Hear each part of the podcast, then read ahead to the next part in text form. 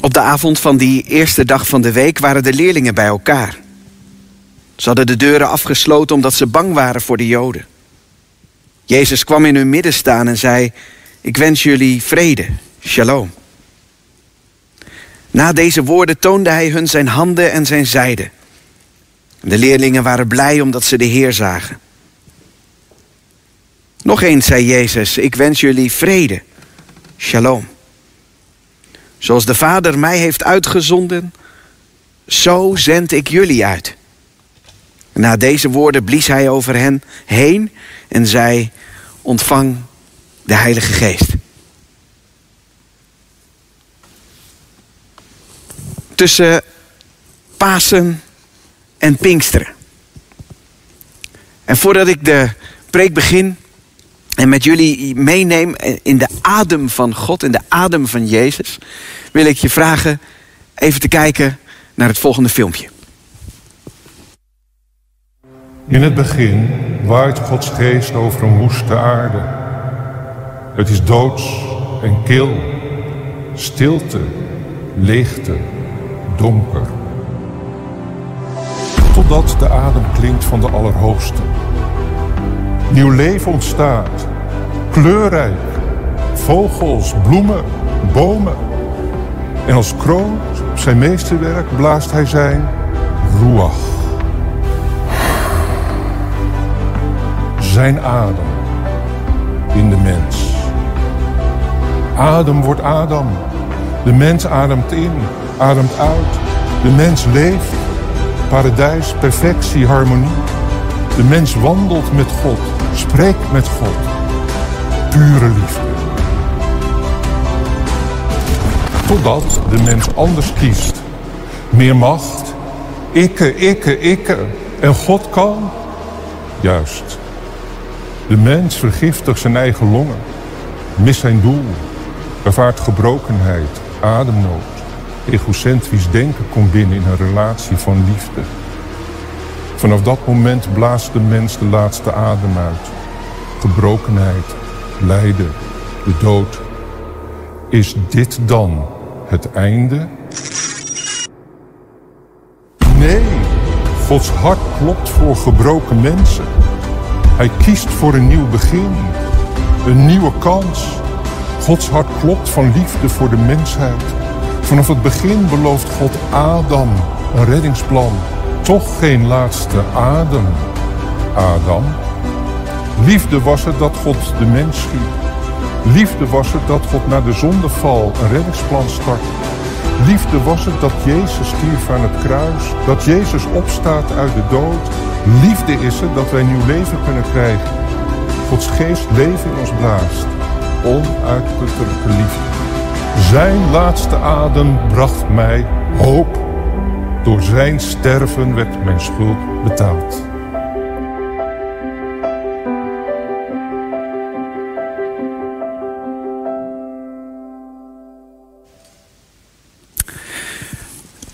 Op een indrukwekkende manier heb jij het leven gekregen. Maar je woont in Vathorst of omgeving en je hebt te maken met de dood die je bestaan is binnengekomen.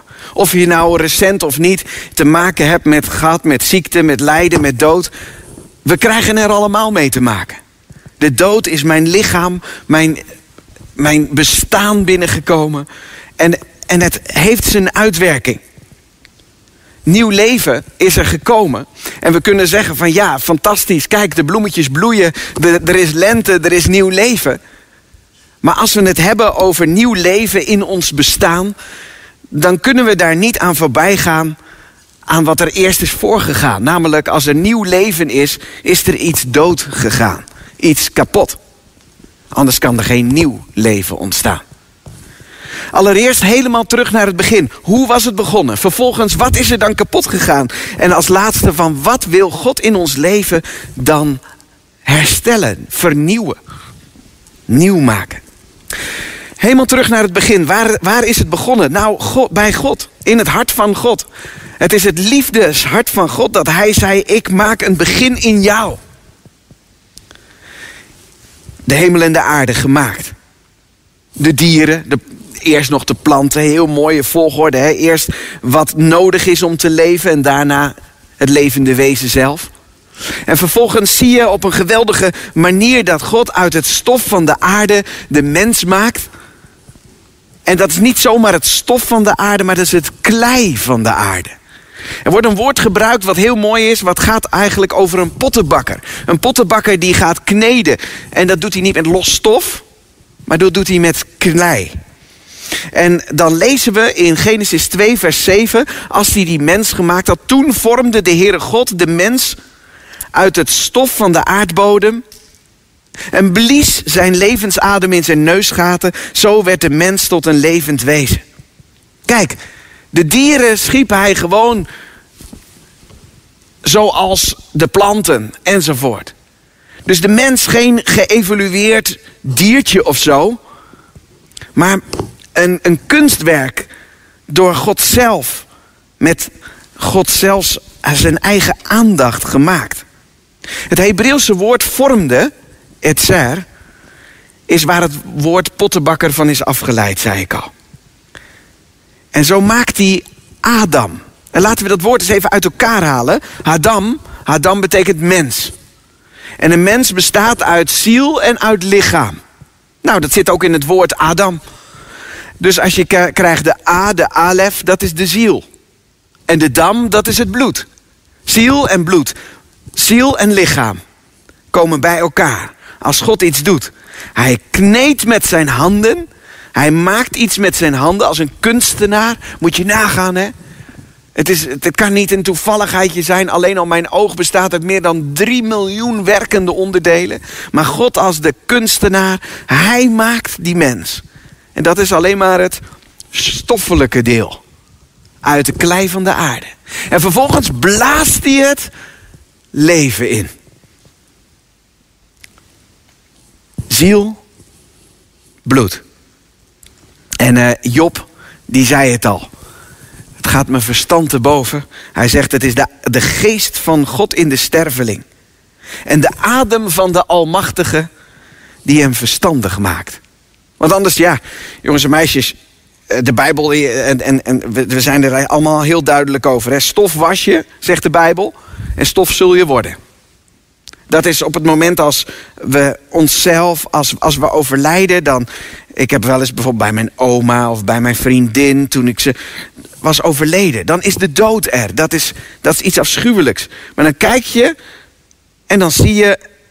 En dan denk je, ja, maar dit is niet oma. Ja, dat is wel haar huls, maar het is er niet. Gek hè? En dat is dat, is, dat, is dat dam. Maar de A, de alef, dat wat God erin geblazen heeft, zoals uh, Genesis zegt, dat, uh, dat, dat mis je. Het leven, de ziel. Nou, het is die adem van de Allerhoogste die de mens verstandig maakt, die de mens laat denken, die de mens een ziel geeft. En dan gaan we inzoomen. Dit, dit is duidelijk, hè? Adam. Adam. Dan blaast God. En dan, zoals het filmpje zegt, hoor je heel vaak het woord ruach. Dat wordt dan ook te pas en te onpas in de kerk geroepen. Ruach. Maar dat staat hier eigenlijk helemaal niet. Staat hier niet het woordje ruach. Als we kijken naar uh, het stukje in Genesis uh, eh, 2, vers 7. Toen blies God de adem in zijn neusgaten en werd de mens tot een levend wezen. Dan zie je dat Gods adem is neshama. En, en de ruach is de lucht. Dus God blaast neshama. Dan komt daar lucht, dat is de ruach. En dat vindt, nefesh, dat vindt, doet, heeft zijn uitwerking. Ik ga dat uitleggen. Op het moment als je een glasblazer hebt. En een glasblazer die blaast. Dan is die neshama, dat is de blazen. De lucht die dan dat glas ingaat, wat de bolling geeft. Op het moment als die lucht daarin gaat, dat is de ruach. En de nefesh is dat het zijn uitwerking krijgt in de bolling van het glas. Dus God blaast in dat wat hij gekneed heeft. Blaast hij iets van zichzelf. Zijn leven, hij blaast het erin. ruach, dat is de wind die erop volgt. En nefesh, het vindt rust hier in de mens. Het, het, het vindt een bestemming. En het ademen van God in de mens, God de Heilige, is dus één grote daad van heiligheid. En daarom zeggen we ook dat het leven beschermwaardig is. En staan we als christenen, als joden, staan we voor het leven. Dat is iets heiligs. Daar blijven we van af. Want het is de adem van God wat erin gaat, wat er in de mens is gegaan. Als we kijken naar de adem van God, dan zien we in de Bijbel dat niet alleen de adem van God het leven begint, maar het ook beëindigt. Zoals jongens en meisjes, je een vaccinelichtje hebt. Ik zal het niet met eh, deze kaars doen. Nou, dat kan wel, ik kan hem ook weer aansteken. Um, maar op het moment als ik adem, dan eh, God ademt de mens eigenlijk leven in. Maar als hij ademt, is het ook uit.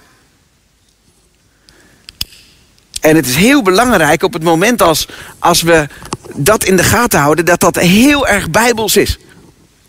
Het gras verdort, de bloem valt af, Jezaja 40 vers 7, als de geest van de Heer erover blaast. Dat gebeurt er. Het gras verdort, de bloem valt af als de geest van de Heer erover blaast. Dan zijn we er niet meer. Als Gods geest het kaarsje uitblaast, is de dood gekomen. Dan, dan is A los van dam. En dan is de ziel, die is niet dood, die is niet verdwenen, maar dan is het lichaam wel los van de ziel. En dat hebben we als mens gedaan. Als mens hebben we onszelf van God af de nek omgedraaid. We hebben ons de nek omgedraaid. We zijn bij God vandaan gegaan. We kiezen niet voor God. We hebben hem in het luchtledige laten staan en laten praten en laten gaan. En dat lees je in heel dat Eerste Testament, maar dat lees je ook als je mijn brief zou lezen, mijn geloofsbrief. Ik draai mezelf de nek om voor God. En we beseffen niet dat als we dat doen, we uit de straal van zijn liefde stappen en eigenlijk soms op slag en soms in een proces dood zijn. Geestelijk dood. Onze geest, dat wat God in ons geblazen heeft, leeft daar niet meer van op. Maar sterft elke dag. We hebben geen zuurstof meer. En in deze coronatijd, of je het nou van dichtbij hebt gezien of dat je nou beelden hebt gezien, we weten allemaal wat dat is als ons lichaam geen zuurstof meer in zich opneemt. Geestelijk gezien, jongens en meisjes, vaders en moeders, wie je ook bent, is dat het geval met ons allemaal. Dit is de basis. God blaast het leven in. Wij hebben onszelf de nek omgedraaid. Geestelijk gezien van zuurstof afgesloten. Ons lichaam neemt die geestelijke zuurstof niet meer op. Want wij willen het niet. We moeten hem niet. En op dat moment is er iets, en dat kan alleen Jezaja, ja, die kan dat veel intenser, veel mooier verwoorden, is dan zie je de boosheid van God. En daar hebben we altijd een beetje moeite mee met de boosheid, de toorn van God. Maar die is er wel, daar kun je niet omheen als je de Bijbel leest. En, en God is toornig. Mag God? Ja, tuurlijk. Hij heeft de mens gemaakt. Hij heeft het gemaakt met een doel. Hij heeft dat duidelijk gemaakt. En vervolgens draaien wij de nek om voor God. God heeft ons voor, niet alleen zelf, het is niet door hem alleen gemaakt, maar ook voor hem gemaakt. En we leven voor ikke, ikke, ikke. En niet voor ik ben die ik ben. En dan, en dan zie je dat God boos wordt. Nog even over dat boosheid. Het is vandaag moederdag. Mama is ook wel eens boos op jou, denk ik. Denk je dat mama, kijk eens even op de bank naar mama. Denk je dat mama het leuk vindt om boos op jou te zijn? Of niet? Nee hè?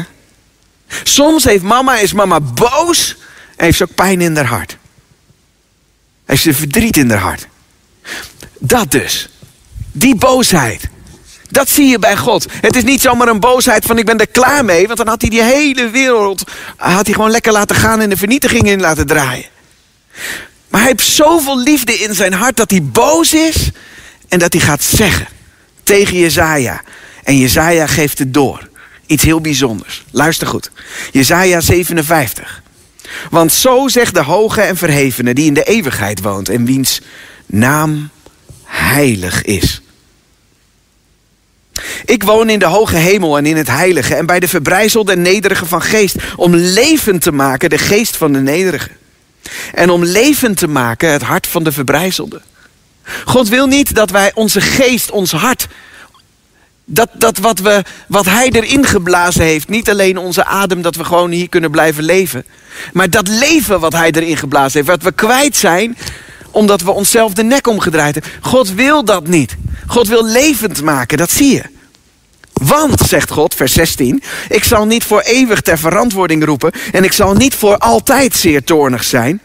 Want de geest, en daar staat in het Hebreeuws het woordje ruach, dus dat is de wind, de uitwerking daarvan, let goed op. Want de geest zou voor mijn aangezicht bezwijken. Je zou, je zou, het zou verstikkend werken. Je zou niet meer ademen.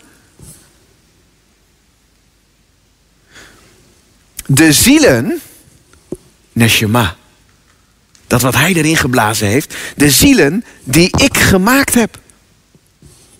Zegt God door de mond van Jezaja tegen het volk Israël. Ik was zeer toornig over de ongerechtigheid van hun winstbejag. Daar kan God niet tegen. Dat is, wel goed om ons in dat rijke Westen, in Nederland, in Vathorst, om het ons aan te trekken. Dat, dat God tegen Jezaja zegt en Jezaja doorgeeft aan Israël dat God zeer toornig is over winstbejag, over de ruggen van anderen. Het, het ikke-ikke-ikke-cultuur. Nou, dat is niet alleen bij Israël in die tijd hoor.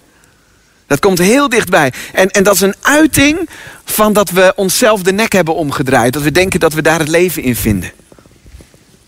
Nou, ik was daar zeer toornig over. En uh, ik verborg mij. Het is adembenemend. God verbergt zich. Ik was zeer toornig. Maar het volk ging verder van zijn, op de weg van zijn hart. Hardleers. Ik heb zijn wegen gezien, ik zal hem genezen, ik zal hem leiden en hem vertroosting bieden, namelijk zijn treurende. Zie je dat wat er gebeurt? Ik heb, ik, ik, heb, ik zal, ik zal. God zal iets doen. En dat is de redding.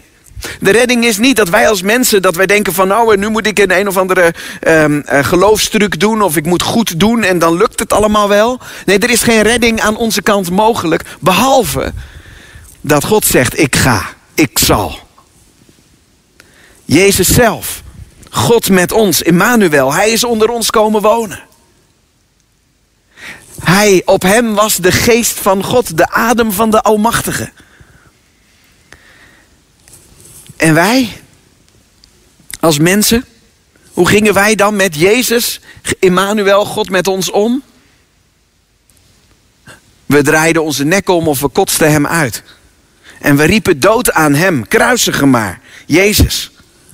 En Jezus, hij neemt niet alleen het lijden op zich, maar zijn ziel, zijn, uh, was helemaal afgestemd op God. Hij keerde zich niet van God af. Hij draaide zichzelf niet de nek om. En terwijl wij hem aan het kruis nagelden, werd hem alle ruach ontnomen. Want weet je, jongens en meisjes, de kruisdood, als Jezus sterft aan een kruis, is dat de verstikkingsdood.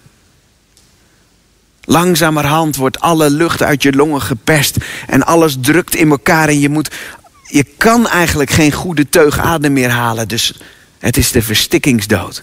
Alle lucht, de adem die God in de mens heeft geblazen, werd hem ontnomen.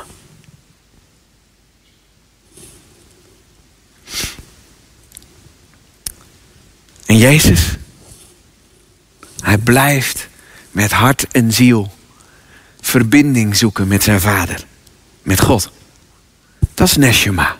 Dat is die diepe kern die erin geblazen is, die correct is, die zonder zonde, die heilig is van Jezus. Die de verbinding zoekt met God terwijl hem alle lucht wordt ontnomen. En hij volbracht het werk. Hij blies zijn laatste adem uit en hij gaf zijn geest terug aan God. Vader, in uw handen beveel ik mijn geest. De levensadem verdween. Ha, werd gescheiden van dam. En Jezus, zijn lichaam werd van het kruis gehaald en hij werd begraven.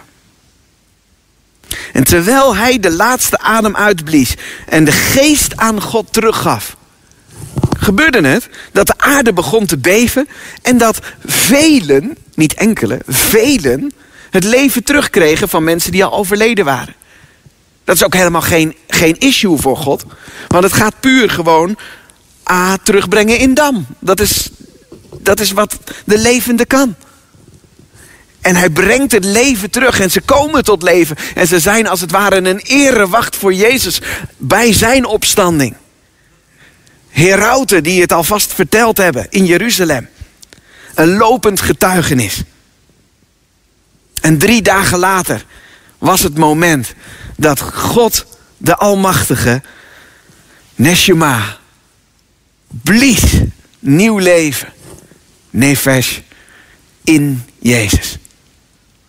En het lichaam was niet langer een tijdelijk, stervend omhulsel.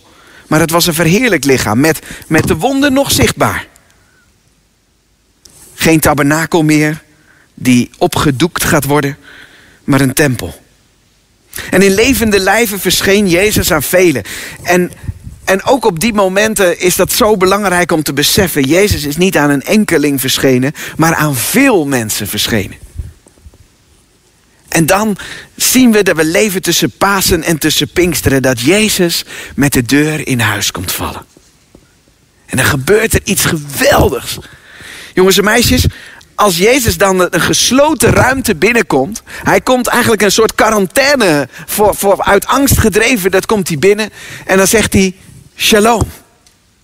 En shalom betekent niet alleen vrede, dat zegt onze vertaling. Maar dat betekent eigenlijk de heelheid die er bij God is. Die hij in het paradijs zichtbaar maakte, maar die wij niet meer kennen. Omdat wij onszelf de nek hebben omgedraaid van God vandaan. Zien we dat Jezus zegt, ik breng die heelheid, breng ik bij jullie in die gesloten ruimte. En op het moment als Jezus dat wenst, dan lezen we in Matthäus dat ze nou, best wel geschrokken waren en sommigen twijfelden. Dat maakt helemaal niet uit of je nou een twijfelaar of een diepgelovige bent. Als Jezus maar in je midden komt. En hij kan zo je huiskamer binnenkomen, waar je ook zit te kijken. En dan verschijnt Jezus en dan zegt hij, shalom. En hier staat het dat de discipelen zich verblijden. En Jezus zegt nog een keer, shalom.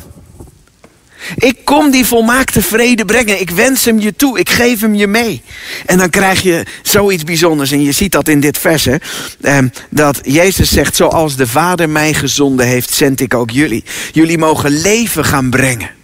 En hoe doet hij dat?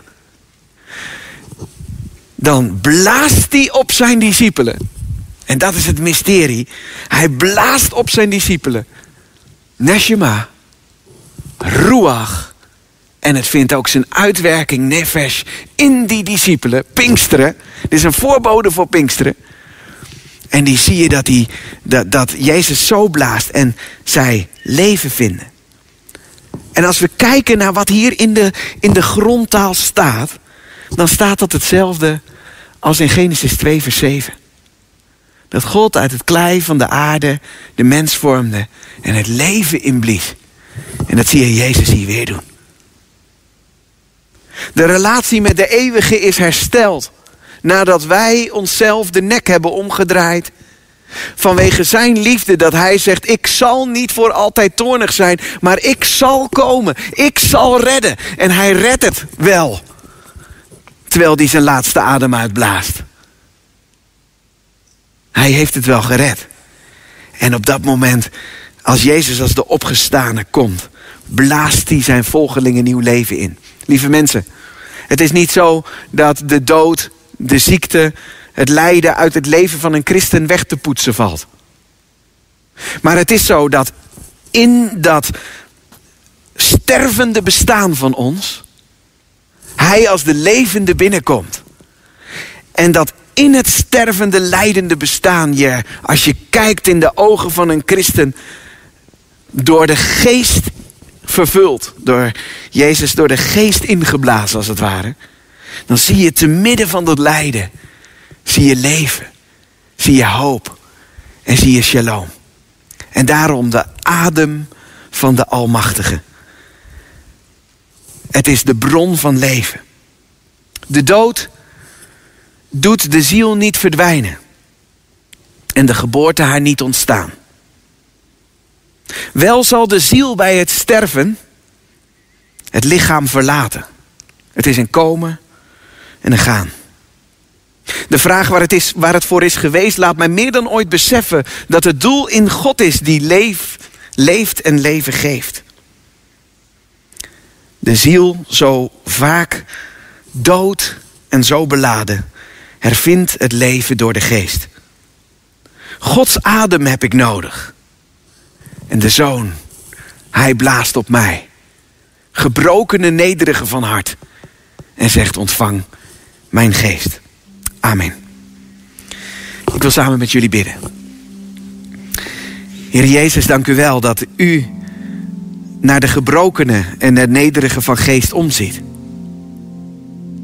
Ja, dat u mensen die rijk zijn van zichzelf, vol met wat ze zelf kunnen, dat u die arm weg zult sturen. Dank u wel dat u zelf heeft omgezien, Heere God, en niet voor altijd toornig bent geweest op uw volk en ook niet op ons. Maar dat liefde het was achter die toorn. En dat liefde het was, Heere, die u uw zoon deed zenden. En dat u, Heere Jezus, uw adem hier geademd heeft. En uw geest heeft gegeven in de handen van de Vader, waardoor we leven vinden. Dank u wel dat u op ons wilt ademen. Dat u nieuw leven in wilt blazen. Dat u ons lichaam tot een tempel, tot een heiligdom wilt maken. En ik bid u, heren, dat nou misschien deze woorden als een uitleg mag landen in ons hart. Maar ik bid u ook dat het um, hartsverandering mag geven. Dat we in de straal van uw liefde zullen leven en uw shalom niet alleen ontvangen, maar ook uit onze huizen zullen stappen en shalom zullen brengen, leven brengen. Want u heeft ons het leven gegeven om de wereld in te gaan. Zo bidden we u, heren, of u ons wilt zenden in de doodsheid van dit bestaan. Dank u wel voor het leven. Verheerlijkt zij uw naam. Amen.